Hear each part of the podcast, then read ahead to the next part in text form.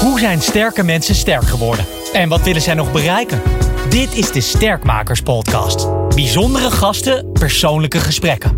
Over de kracht van professionele ontwikkeling en persoonlijke groei. Met Glenn van der Burg. Arco van Brakel is een soort ondernemend Zwitsers zakmes. Hij startte de eerste commerciële internetprovider die hij uiteindelijk verkocht aan Frans Telecom. Via internet naar marketing, naar persoonlijke ontwikkeling, naar apostel van het Semco-gedachtegoed. De een met succes, de ander met wat minder. En oh ja, hij was tussendoor ook nog even directeur van Leiderschapsinstituut De Baak. Naast zijn werk als medeoprichter van het Semco Style Institute is hij nu parttime algemeen directeur van de Cleantech regio. Marco, bijzonder leuk uh, om met je te praten over sterk worden in je werk, want daar hebben we het over in de Sterkmakers podcast. En daarvoor neem ik je eerst helemaal mee terug in de jaren 70, halverwege de jaren 70.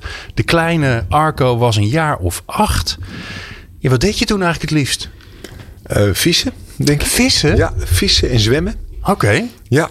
Dat waren mijn. En waar uh, deed je dat? Want waar ben je opgegroeid? Toen ik acht was, woonde ik. Nou, ik ben niet ergens heel specifiek opgegroeid. Mijn vader was gemeentesecretaris. En om carrière te maken, verhuisde hij steeds naar andere gemeentes, steeds grotere gemeentes, wel dorpen.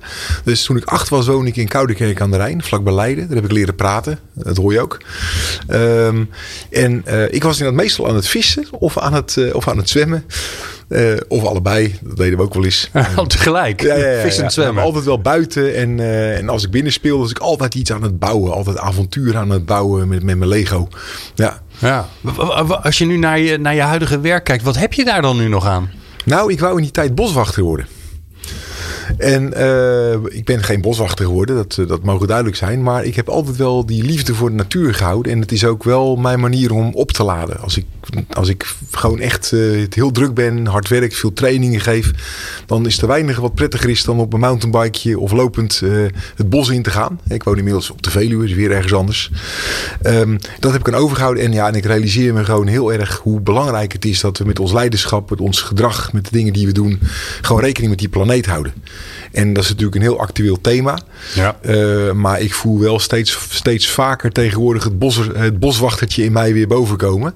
Want uh, ja, ik, we hebben gewoon een hele mooie planeet aarde. En die zijn we best wel aan het verkloten met z'n allen. Terwijl eigenlijk alle kennis, alle techniek, alle, eigenlijk alles wat je moet weten en moet kunnen om zeg maar op een duurzame manier onze welzijn en welvaart in stand te houden. Al die kennis is er al.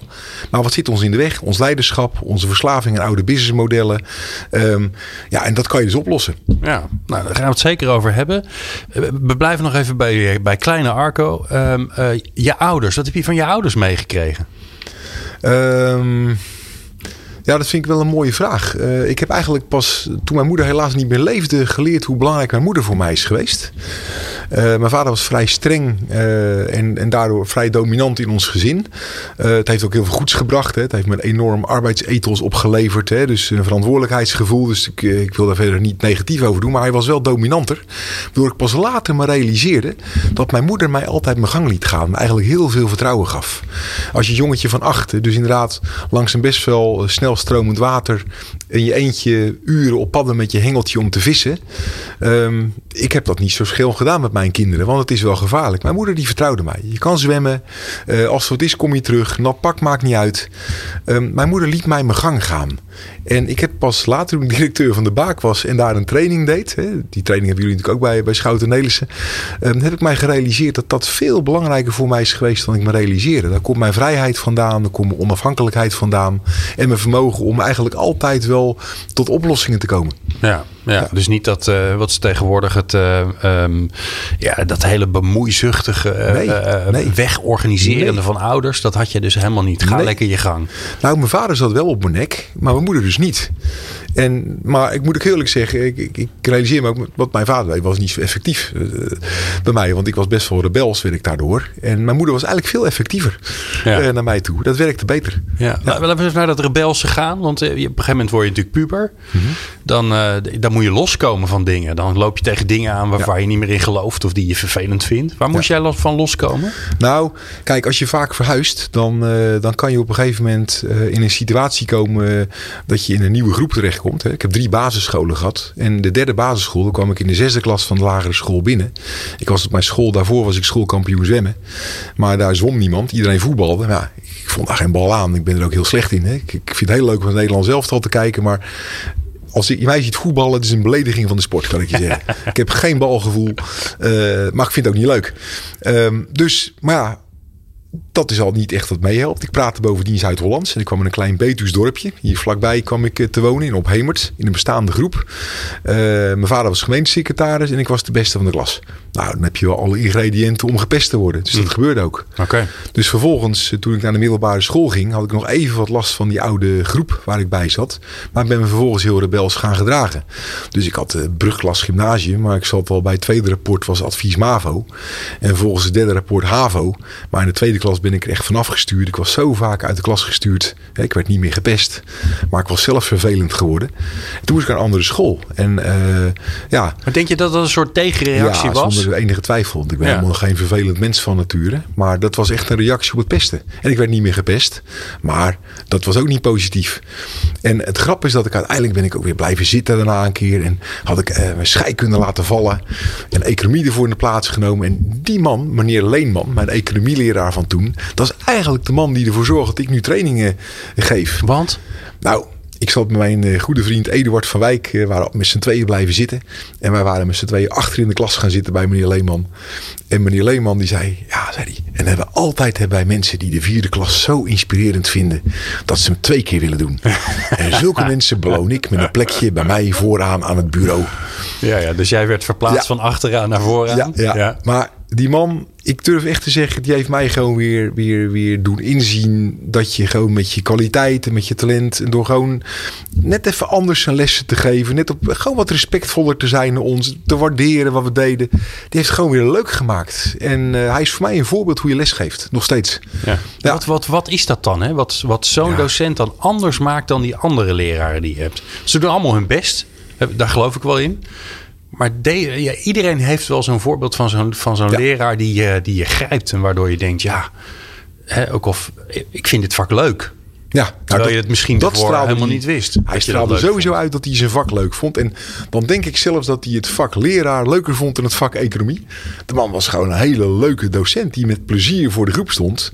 Grappen maken, uh, stond altijd soep te maken in de klas. Weet je. En hij was een beetje rebels. Hij deed het anders. Ja, en dat vind ik gewoon mooi. Ik ben zelf ook niet helemaal doorsnee. En zo'n man die op, zijn, op een rebelse manier, eigenlijk nu realiseer ik me dus, betekenisvol aanwezig is. Um, doordat hij zelf misschien anders was. Mij ook accepteerde omdat ik een beetje anders was. Ja, dat gaf gewoon zelfvertrouwen. En dat is misschien wel wat ik even nodig had. Het grappige is dat hij je wel van achter in de klas naar voren in de klas haalt. Ja. dat, dat, is mij ook wel eens gebeurd. Dat, ook niet zo fijn, hè? Want ineens wordt er op je gelet. Ja. En dan kan je niet meer aanklooien. Nee, dus, dus wat was het dan toch dat het ervoor zorgde dat dat positief voor jou uitpakte? Want je kan die man ook irritant vinden. Denk, ah shit, gaat hij op me zitten letten. Nou, waarschijnlijk had hij niet echt op ons zat te letten. En als hij deed, deed hij met humor. Hij maakte grappen. En uh, het was denk ik de, de humor in combinatie met het respect wat het gewoon leuk maakte. Ja. Mooi. We, we gaan, naar, uh, we gaan naar het nu. Uh, je bent wat ouder geworden. Ik moet even tellen. 52 ja, ja. ben je, volgens ja. mij? Ja. Um, je hebt er dus een aardige carrière op zitten. Je, je mag gelukkig ook nog even. Hè? Dus je bent ook nog hartstikke jong en vitaal. Wanneer voel jij je nou sterk in je werk? Dat vind ik een hele mooie vraag eigenlijk. Die had ik niet helemaal zien aankomen. Uh, ik voel me denk ik sterk in mijn werk um, als ik uh, ergens verschil in kan maken dus een steentje kan bijdragen aan, aan iets belangrijks. Uh, ik ben niet zo goed in iets verkopen om het te verkopen. Ook al ben ik een ondernemer. Ik, uh, ik kan dat niet. Uh, toen we internetondernemer waren, toen beseften we na een half jaartje dat we eigenlijk voor op een golf surfden die de wereld ging veranderen. Nou, dat vind ik dus mooi. Dus op een betekenisvolle manier aanwezig zijn in iets wat groter is dan alleen maar een bedrijf bouwen. Dat vind ik heel erg belangrijk. En wanneer ik me dan zelf sterk voel, is denk ik als ik merk dat ik dat samen met mensen kan doen uh, die elkaar waarderen. Dus ik hoef niet per se zelf alleen gewaardeerd te worden, maar als er waardering en respect in het team zit, dat je, dat je elkaar groter maakt. Die twee ingrediënten, dan voel ik me sterk. Oké. En dat, dat, dat grotere dan jezelf, is dat dan, nou ja, bij jouw eerste bedrijf was dat natuurlijk toegang geven tot iets waarvan we allemaal voelden destijds hè, het internet. Volgens mij ben je in 95 of zo, 94 begonnen. Hè? Nou, toen, toen was het er Nee. een heel klein beetje. Wat jij zegt allemaal, nou bijna niemand geloofde toen nog in internet. Nee, de mensen zeiden, oh, wat kan nog nooit wat worden, weet je wel. Computers en telefoonlijnen. Internet, zei je? Ja, mensen dachten, dat wordt niks. Ja, Ja. nee, dat, dat was wel bijzonder. Maar na een jaar, dacht, toen was het natuurlijk steeds meer nieuws aan het komen. Ja, we hebben een paar hele gave dingen gedaan hoor. We hebben, dat wisten we niet op dat moment. We waren eerst in de wereld, echt de allereerste in de wereld, die internet als softwarepakket in de winkel gingen verkopen. Dat lijkt nu heel logisch, maar dat was best wel ingewikkeld. Eh, Alleen al het businessmodel uitdenken was ingewikkeld. En dan de dis- distributie regelen. En dan bel je Dixon, ze hadden nog nooit gehoord van internet. Ja, dat was best wel lastig. Ehm, en want we wilden toch in Dixons die pakketten verkopen. Ehm, en, eh, Ja, want tegenwoordig be- be- bel je KPN en dan Ja. drukken ze op een paar knoppen en dan moet je even eh, je router Ja. installeren. Nou, en dan werkt het. Ja, maar, dat niet. was toen veel ingewikkelder, hè? Ja, bijvoorbeeld, wij waren de eerste ook die met een, een vast tarief gingen werken. Toen moest je nog met een modem inbellen. Hè? Of en dan tikken, kost je hè? precies je telefoon tikken. plus je internetabonnement moest je betalen. Dus het was al ingewikkeld. Maar de internetabonnementen die er tot, tot dat moment waren, van NLNet en Access for All, heette toen nog Stichting Hectic trouwens. Die tijd was het. Dat waren hele ingewikkelde abonnementen met een totaal ondoorzichtig tarief. Wat uit MB's en tijdelement en bandbreedte was opgebouwd. Ja, dat snapte niemand. Dus wij hebben de gok genomen om voor een vast tarief per maand het aan te bieden. Dat je alleen nog je telefoonkosten had. Maar het moest nog een tweede drempel wegnemen. We moesten toen zelf gaan, gaan regelen dat mensen tegen lokaal tarief konden inbellen in Nederland. Dus wij moesten overal zogenaamde point of presence, pop, ja. eh, inbelnummers gaan Ja. creëren. Maar nu is is dat er allemaal. Maar wij moesten al die lijnen door heel Nederland zelf aanleggen, dat hele netwerk. Ja, hoe belangrijk is dat dan? Hè? Want je, iets, iets groter dan jezelf. eh, met een team waar waardering is. Hè? Dus nooit alleen. Nooit alleen gaan klooien. Ehm, eh, maar dit is ook, het klinkt ook als nieuw. Hè? Nieuwe dingen. Eh, en als ik die lijn, hè, je hebt nog met, met Edwin Curry aan, aan Jambi gewerkt. Hè? Wat, wat een soort te vroege voorloper van YouTube was, Ja, simpel ja, gezegd. Absoluut. Ja, het idee was Eh, geniaal, maar we hadden, een oplossing waarvoor niemand nog een probleem had. Nee, nee en Ja. je was gewoon een beetje te vroeg. Nou ja, dat, dat, kan, dat kan ook. Hè. Ondernemen is ook timing. Eh, maar nu natuurlijk ook met Semco Style. Hè, waar eh, ja, een, een jaar of vijf geleden, denk ik, als je zo'n beetje ermee begonnen Toen waren we net begonnen. Ja, toen was zelfsturing nog ingewikkeld en raar. En, eh, en vonden, eh, was het spannend. Nou, tegenwoordig eh, hoor je het overal. En, en wordt het op heel veel plekken alweer teruggedraaid. Omdat mensen het niet goed gedaan hebben. Ja, en dat, dat is dus een dingetje. Je, eh, loslaten, want dat is zelfsturing natuurlijk voor leiders. Dat is iets anders dan het uit je handen laten vallen. Hè, dus je moet Maar het wel, is allemaal nieuw, hè? ja. Het is allemaal nieuw. Is dat een ander ingrediënt van wanneer jij op je sterkst bent als het, ja, als, als het Ja. nieuw is? Ja, ik ben niet zo goed in, eh, in zeg maar een verdringingsmarkt dat ik moet concurreren om iemand, zeg maar. Hè, ik, zou, ik, vind, ik heb heel veel respect, laat ik het zo zeggen, voor iemand die nu de marketing doet bij T-Mobile en die Vodafone gaat aanvallen. Of wat meer Giel Muller doet, die ken ik toevallig vrij goed. Dat die met Picnic en met Route Mobiel en met die Tango tankstations, dat die gewoon een hele grote speler gaat aanvallen op zijn zwakke punt en dan die markt veroveren. Ja. Ik vind het mateloos knap, maar ik kan het niet. Nee. Nee, ik moet echt iets nieuws creëren, een nieuwe categorie creëren. En die wordt vervolgens andere mensen dan heel groot gemaakt. Want dan ben ik eigenlijk de interesse alweer een beetje verloren. Ja. Als het zover is. Ja, Dan moet je wel geloof hebben dat het goed komt. Maar anders gaat het niet gebeuren. ja klopt. Maar soms komt het ook niet komt- goed. En dan doe je wat anders. Ja, En, en, want heel, heel veel mensen die eh, lopen natuurlijk met een idee rond. Hè? Mhm. En die, die denken, oh, dat is een gouden idee. Dat, daar, ga ik, daar ga ik nog een keer. En die gaan dat nooit doen. Jij doet dat wel. Sterker nog, je hebt het eh, misschien wel tien keer of vijftien keer gedaan. eh, nieuwe Nee, dingen geen 15 begonnen. keer, maar wel een keer of zeven, denk ik. Ja, nou ja. ja. Er zijn mensen die, eh, die houden het bij één. Als ze, dan, Ja. dan, dan zijn ze wel heel, wel heel hard bezig Ja, geweest. maar goed, het is ook wel een paar keer valikant mislukt natuurlijk. Maar ehm, Ja, maar toch, en toch Ja. blijf je het doen. Wat is dat Ja. dan waardoor jij wel gaat beginnen? Wat zit er in jou? Ja, dat, dat, dat vraag ik me ook wel eens af. Ehm, Ik ben ook niet altijd blij met deze eigenschap. Want het veroorzaakt u soms wel eens een heleboel gedoe. Ik ben soms best wel jaloers op ondernemers die gewoon twintig jaar lang een eigen bedrijf hebben, daar heel erg in meegroeien, een enorm eigen vermogen ontwikkelen en een heel stabiel, degelijk bedrijf hebben. Maar ja, ik, ik kan het gewoon niet. Ik ben dan de interesse kwijt en ik wil weer wat nieuws. Ja. Uh, en daar ken ik ook veel. Ik ken gelukkig ondernemers die hetzelfde hebben. Um, maar waar het vandaan komt, ja, ik vind het wel een goede vraag eigenlijk. Het is denk ik toch de drang om. Uh, nou, het is misschien wel de verslaving aan het nieuwe. Stel dat je een nieuw huis gaat bouwen. Uh, je gaat daarmee in de gang. Dat, dat is echt heel leuk. Dat de vloerbedekking gewoon nieuw ruikt. Dat je de verf ruikt. Het. Na, na een jaartje is het al niet meer nieuw. En dan zou je eigenlijk dat weer willen doen. Wat het zo leuk is. Omdat je iets creëert. En dan zie je het. Wat je bedacht hebt, zie je verschijnen. Ik denk misschien wel wat, wat een aannemer uh, mooi vindt. Of misschien een banketbakker. Die, die elke keer weer een ander soort taart maakt. Die weer nieuw is en anders eruit ziet. He, de, de wil om het te creëren, denk ik. En als het dan staat, is de lol eraf. Ja. Ja. Wanneer weet je dat? Wanneer voel je van, oh, oh het is weer zover. Het moment is weer aangebroken. Ah, Arco moet, moet door, want anders dan gaat hij dingen kapot maken. Ja, ik ben ook, dat is echt destructief. Dat is heel mooi dat je het zegt, dat kapot maken. Dat is namelijk het risico. Dat je dan in je dadendrang uh, inderdaad dingen stuk maakt. Uh, door weer nieuwe dingen te verzinnen. Terwijl het oude eigenlijk nog niet volwassen genoeg is om los te laten.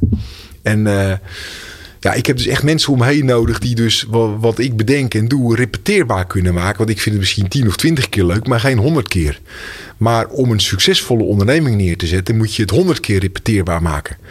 Maar ja, ik, ik irriteer me vaak aan die mensen, want ja, die, die gaan processen inrichten, structuren inrichten. Ja, en die gaan de dingen doen waar jij ja, last van hebt. En ik weet dat het moet. Ik weet ook hoe belangrijk het is. Ik weet dat het noodzakelijk is om als bedrijf integer te kunnen zijn. Hè? Doen wat je zegt en zeggen wat je doet vraagt om hele, ja, toch om strakke normen en afspraken in je bedrijf. Standards, noemt Tony Robbins dat geloof ik. Um, maar ik krijg er jeuk van. Dus ik weet ook dat ik dan weg moet. En uh, ik weet ook dat ik zulke mensen echt nodig heb om succesvol te maken wat ik ooit gestart ben. Dus ik... En hoe heb je dat dan nu bijvoorbeeld bij Semco staan? Want dat doe je nu vijf jaar. Ja. Dat klinkt alsof dat een beetje... Nou, ik denk dat na een jaar of drie is het wel weer klaar met je, denk ik. Ja, dus ik de grootste lol Ik eraf. ben ook als directeur gestopt vorig jaar. Oké, okay, maar je andere dingen gaan Oké, en, ja. en, en hoe organiseer je dat dan voor jezelf? Ja, ik heb gewoon de mazzel dat we een team hadden. Wat natuurlijk best wel goed was. En mijn collega Farouk El Kodadi, die is nu, die heeft, ja, die is, mijn, die is nu directeur. Ja, die doet het gewoon perfect. Gewoon, dat is een gast die gewoon net ietsje minder ongeduldig is dan ik. uh, die heel goed is in het inrichten van, um, van, van commerciële processen. Um, die is nu precies aan het doen wat nodig is. Ja. En, maar hij is er vanaf het begin af aan ja, bij betrokken. Van het begin af aan bij Heb je daar ook aan het begin bedacht: oké, okay, als ik hier aan ga beginnen, moet ik zorgen dat ik mensen om me heen heb die, die niet allemaal meegaan in die creator-energie die je zelf al hebt, maar ik heb juist andere mensen nodig? Ja, absoluut. Daar hebben we zeker rekening mee gehouden. Um, en, en, dan, en de grap is dat, dat ik geen eens de grootste creator hier ben, want dat is Ricardo zelf. Ricardo, het is een fantastische vent. Uh, echt, echt een hele briljante kerel, die, die ook echt uh, voor een heel groot gedeelte daadwerkelijk doorleeft wat hij vertelt. Ik zal een heel mooi voorbeeld geven. Als je met Ricardo onderhandelt, uh, en traditionele leiders geloven dit dus niet. Hè? Die denken dan dat er addertje onder gras zit. Maar is niet waar. Als je met Ricardo onderhandelt, bekijkt hij het van alle kanten. Want in zijn wereld kan een deal alleen goed zijn als er geen verliezers zijn. Dus als iemand een onderhandeling heeft gewonnen, dan betekent er ook iemand een onderhandeling heeft verloren. Want er is geen winnaar zonder verliezer. Dan kan het geen goede deal zijn. Dus hij blijft net zo lang zoeken tot de deal goed is voor allebei. Nou, dat hebben wij nu ook erin gebracht. Ja, als je ziet wat voor relaties je daarmee smeet met je partners en met andere mensen. Ja, dat is tamelijk bijzonder. Nou, maar Ricardo is ook die ideeënmachine die gewoon elke dag tien andere ideeën heeft. En als je Ricardo te vaak spreekt dan, en je gaat alles doen wat, wat in hem opgaat, ga je ja. Je gaat echt failliet. Dus die, die moet er niet te vaak zijn. dat weet hij zelf gelukkig ook. Uh, maar dat geldt voor jou dus ook. Nou, het of, leuke of is... heb jij daar minder last nou, van? de grap is dat ik dus, zodra Ricardo erbij is, de andere rol pak. Dan word ik een beetje de advocaat van de duivel. Maar zodra Aha. die weg is, dan heb ik weer andere mensen die naar mij toe de advocaat van de duivel zijn. Dus je krijgt dus situationeel... Maar dit vind ik interessant, hè? Want wat zegt dat? Want we, hebben, we, we, praten met elkaar over wat je sterk maakt in je werk. En hoe je daar gekomen bent. En, en jij vertelt en, en jouw, uh, jouw ondernemersgeschiedenis laat zien creëren, iets nieuws bedenken, daarmee gaan rennen, uh, zorgen dat het voor elkaar komt, dat het gaat leven. Maar dan is de lol er ook wel een beetje vanaf. Dat is een beetje de, de snelle samen, de samenvatting. En dan werk je samen met iemand die dat misschien nog extremer heeft. Heel extremer. En dan ga je andere dingen doen. Dat is toch raar? Ja, omdat je gewoon weet dat het nodig is. Maar hij weet het zelf ook. Uh, maar je weet gewoon van wacht even, als we dit gaan doen, dan gaat dat mis. Gaat dat...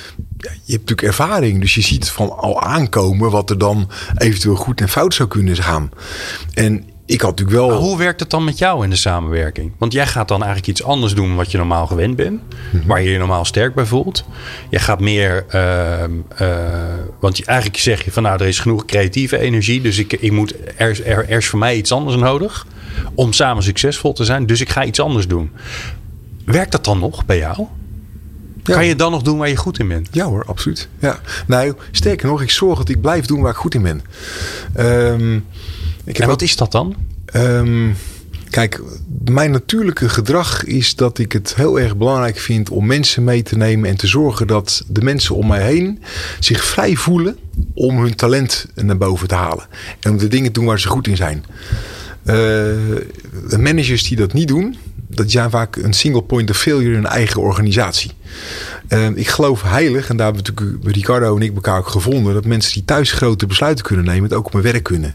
En ik geloof heilig dat mensen die vakman of vakvrouw zijn, dat je die vooral niet moet gaan vertellen hoe ze een vak moet uitoefenen.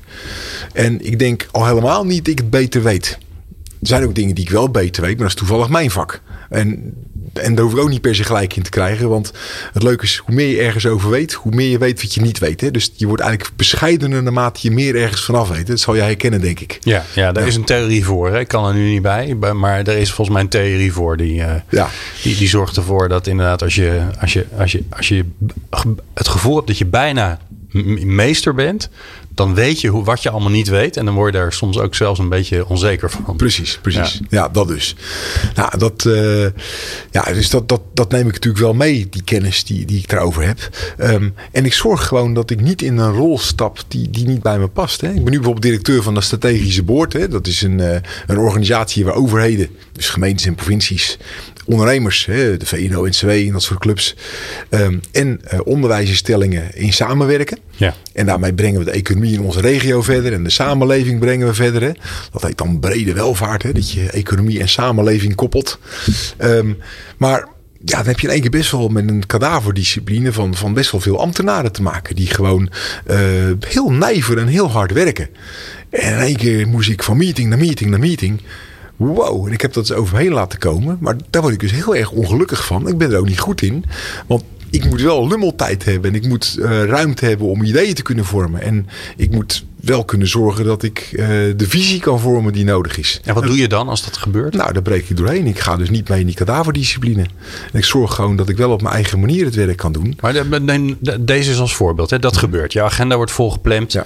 Eh, voordat je het weet, eh, je- knippert drie keer met je ogen. En je ziet ineens dat je gewoon achter Ja. elkaar door, achter die teams of weet ik wat zit. Ja, ja. En, dan, en dan voel je bij jezelf, dit gaat niet goed komen. Nee, dan maak ik afspraken over. Ik leg ook uit waarom. En dan, eh, en dan kijk ik ook, moet ik er wel bij zijn? Maar vinden mensen, die vinden dat raar. Nee, als je eerlijk zegt waarom, vindt niemand het raar. Want iedereen herkent het. Ik zeg gewoon eerlijk, jongens, dit is gewoon too much. En hier ben ik niet goed in. Ik, heb, ik, ik, ik leg uit wat ik letterlijk net tegen jou zei. Ja. Dat ik meer in kracht zit als ik eh, wat meer ruimte heb. Ja.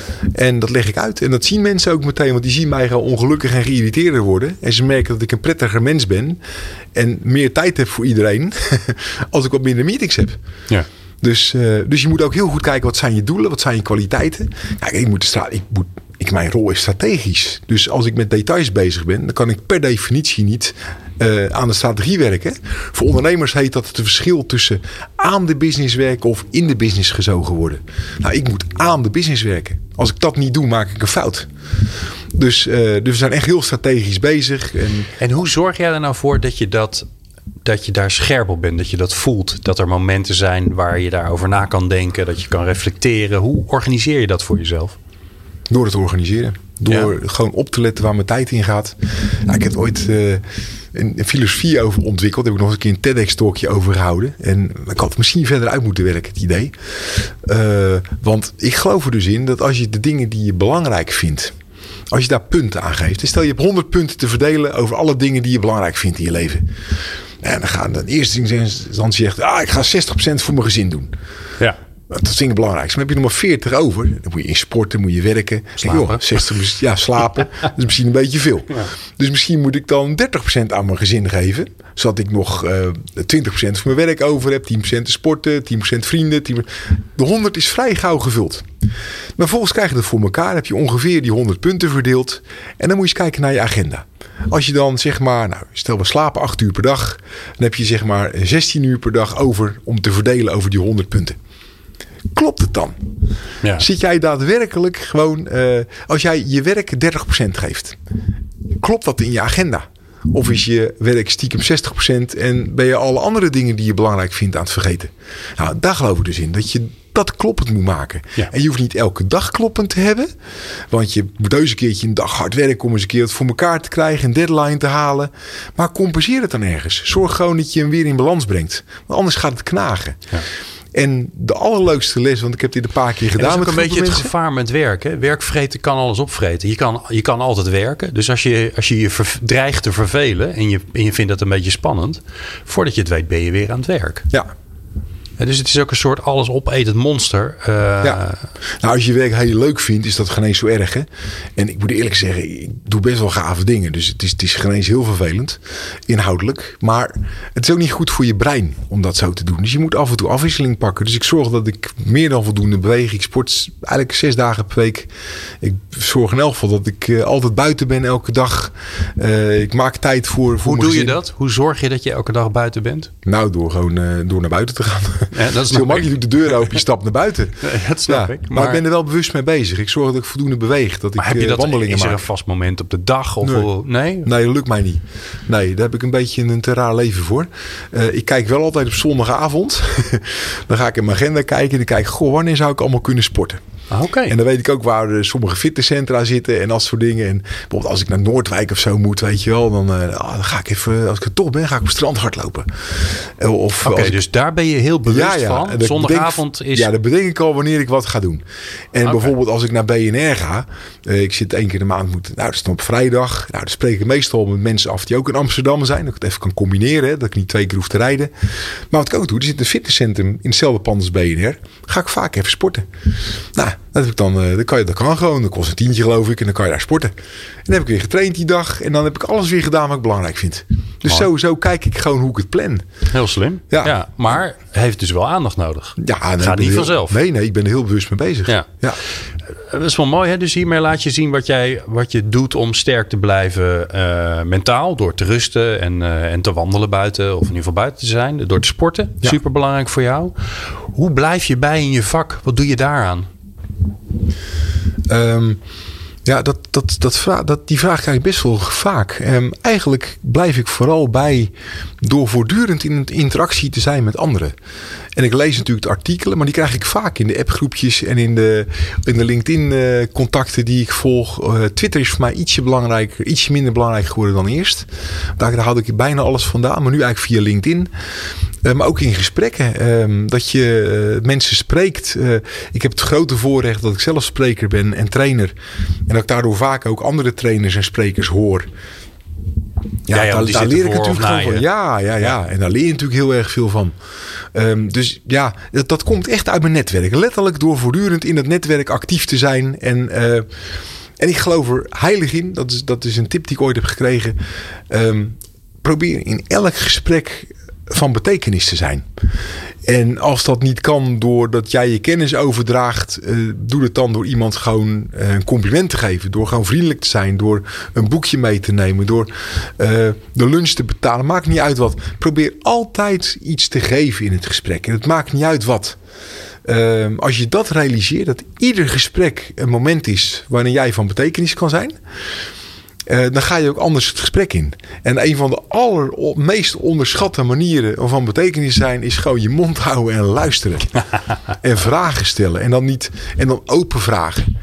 En wat ik heel opmerkelijk vind, een vraag die, die bijna niemand stelt bij het begin van het gesprek, is: hoe gaat het met je? Dat is ja, een hele andere, dat is een andere vraag dan alles goed. Ja, of hoe is het? Ja. ja. Robert Benninga vertelde mij een keer, ik zei, ik, ik, ik zei twintig jaar geleden, hey, alles goed? Nee, zei hij, alles is niet goed. Want uh, nou, er was wat gebeurd in zijn leven. Er was iemand overleden. En dit. Ik denk, holy shit, alles Ja. goed. Eigenlijk een hele stomme vraag. Natuurlijk is niet alles goed. Bij niemand is alles goed. Dus de vraag is, die vraag stellen toont eigenlijk aan dat je niet echt wil weten of het goed met iemand gaat. Maar de vraag, hoe gaat het met je? En gewoon eens aan het begin van het gesprek die vraag stellen, dan heb je een gesprek. Als je dat met de oprechte intentie die vraag stelt, Maar die vind ik wel mooi.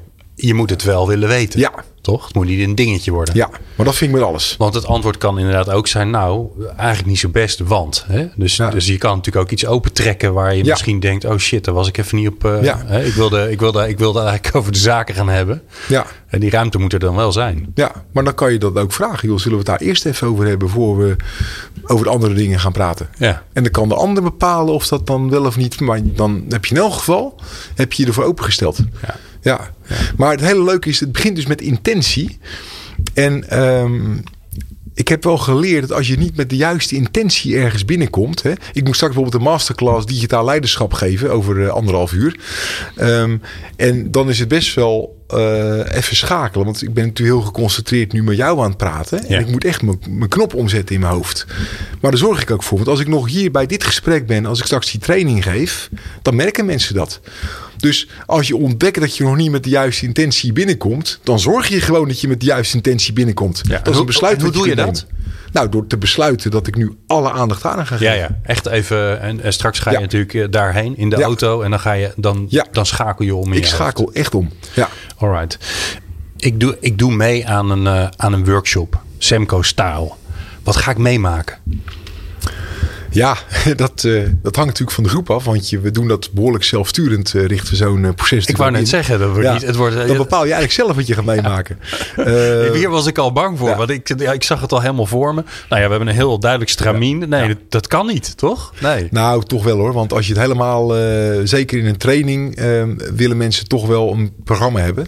En de vijf principes die Jelske net noemde, die, die, dat is inderdaad een fundament. Maar wat heel veel mensen onderschatten is het belang van leiderschap om een organisatie in te richten. Ehm, zonder het leiderschap van Ricardo Semler was Semco nooit zelfsturend geworden. En wij hebben voor een hele grote bank in Nederland, de ABN AMRO Bank, hebben wij een heel groot programma gedaan. Zonder het leiderschap van de directeur, dat was eh, Klaas Ariaans, was het niet gebeurd bij die afdeling. Waarom is dat zo belangrijk? Wat is dan nodig in dat leiderschap? Ehm, nou, heel simpel. Eh, de statutair directeur is uiteindelijk toch gewoon verantwoordelijk. Punt. Eh, dus je bent juridisch verantwoordelijk voor de dingen die er gebeuren. Ehm, en zonder support van de leiders gebeurt het gewoon niet. De leider gaat altijd voorop.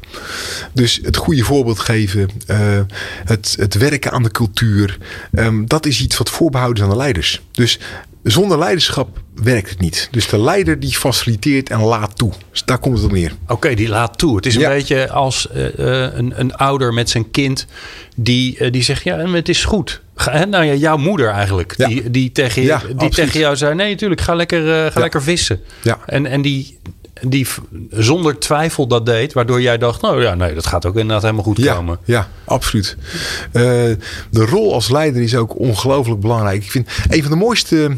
Kijk, wat je, wat je nodig hebt en wat je tegelijkertijd creëert met deze manier van werken is psychologische veiligheid. Eh, vertrouwen is een heel mooi woord, maar het is emergent. Hè? Het- het- het- je kan niet een beetje vertrouwen geven. Of je geeft vertrouwen, of je hebt vertrouwen, of je hebt het niet. Ja. Dus er is, er is, het is niet het is nul of één. Het is bijna digitaal vertrouwen. Daarom werkt het ook zo goed voor een digitale organisatie. Hè?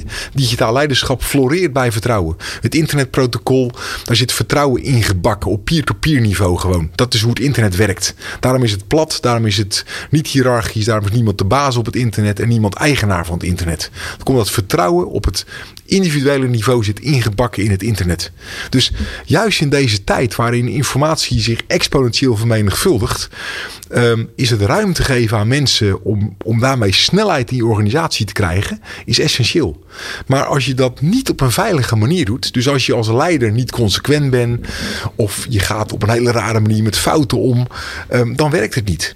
En En juist. zeg je daarmee dat psychologische veiligheid eigenlijk een voorwaarde is voor dat vertrouwen waar we het allemaal over hebben? Dus Nou- als je dat ene niet doet, komt het andere er nooit? Ja, het is een wisselwerking. Ja, je creëert psychologische veiligheid door consequent en consistent te zijn. Hè? Wij zeggen ook altijd, als je begint met zelforganisatie, je kunt ook nooit meer terug. Want zodra jij het even niet goed gaat, je pakt als leider weer de, de, de touwtjes beet en je haalt de controle aan.